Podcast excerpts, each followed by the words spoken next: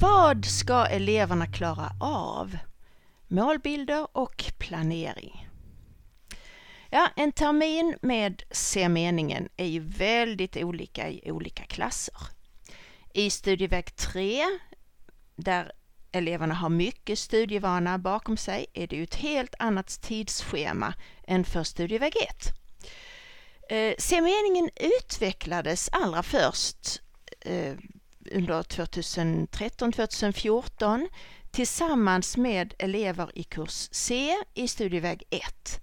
Alltså ingen eller nästan ingen skolbakgrund i sina hemländer. Och då var det ett nödvändigt steg för att ge dem något konkret att hålla sig till när eh, de skulle arbeta i tal och i skrift. Och det här steget är det nog många som har använt sig av just eh, de här olika lapparna som visar eh, verb och subjekt.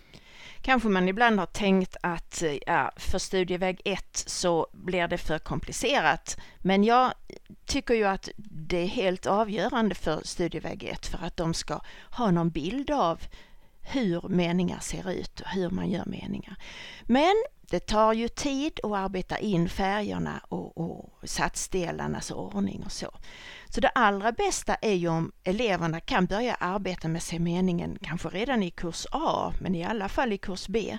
Och sen utveckla arbetet i kurs C och då har de fullt färgstöd i kurs D med alla bisatser och fler meningar med satsförkortningar och gamla uttryck som lever kvar. Man kan ändå liksom hitta eh, hur meningen är uppbyggd.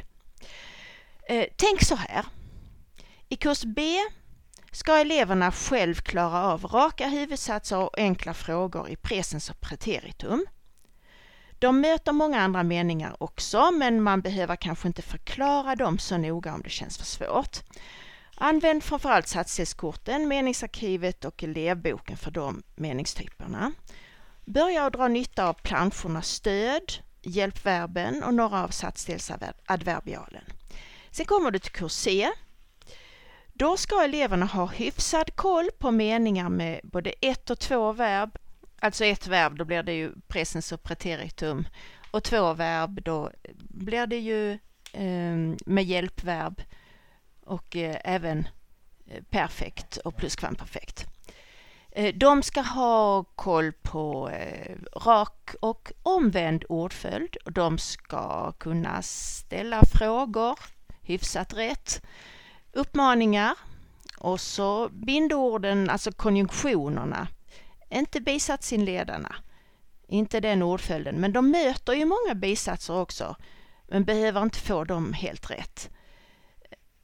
I eh, nationella provet så står det att man ska visa prov på att man kan eh, göra ansatser till och använda eh, bisatser också. Och nu använder vi både satsdelsormarna och satsdelskorten och meningsarkivet. Och du pekar och vägleder genom att ständigt peka på planscherna med satsdelsadverbialen, med bindord, bisatsinledare och hjälpverben. Sen kommer kurs D då ska eleverna även klara att göra rätta meningar med bisatser. Både sist i meningen och inledande bisatser, alltså först i meningen. Och det här är kanske den svåraste konstruktionen eh, så i svenska språket att få ordning på. Och beroende på hur snabbt din undervisning går framåt, alltså vilken studieväg du undervisar på, så går det ju olika snabbt fram i elevboken. Du behöver inte använda elevboken så ofta men satsdelskorten, satsdelsormarna och planscherna är daglig hjälp. Daglig hjälp. Sen är det meningsarkivet med sina 240 meningar.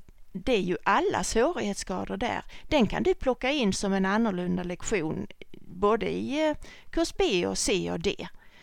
Det finns en tydlig arbetsgång i lärarhandledningen.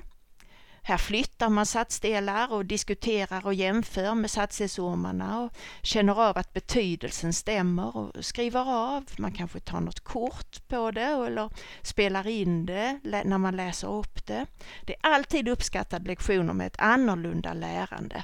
Och som sagt, de är helt anpassade efter olika svårighetsgrad. med tio olika boxmappar färdiga för användning direkt till klassrummet och det är i tio olika svårighetsgrader. Lycka till!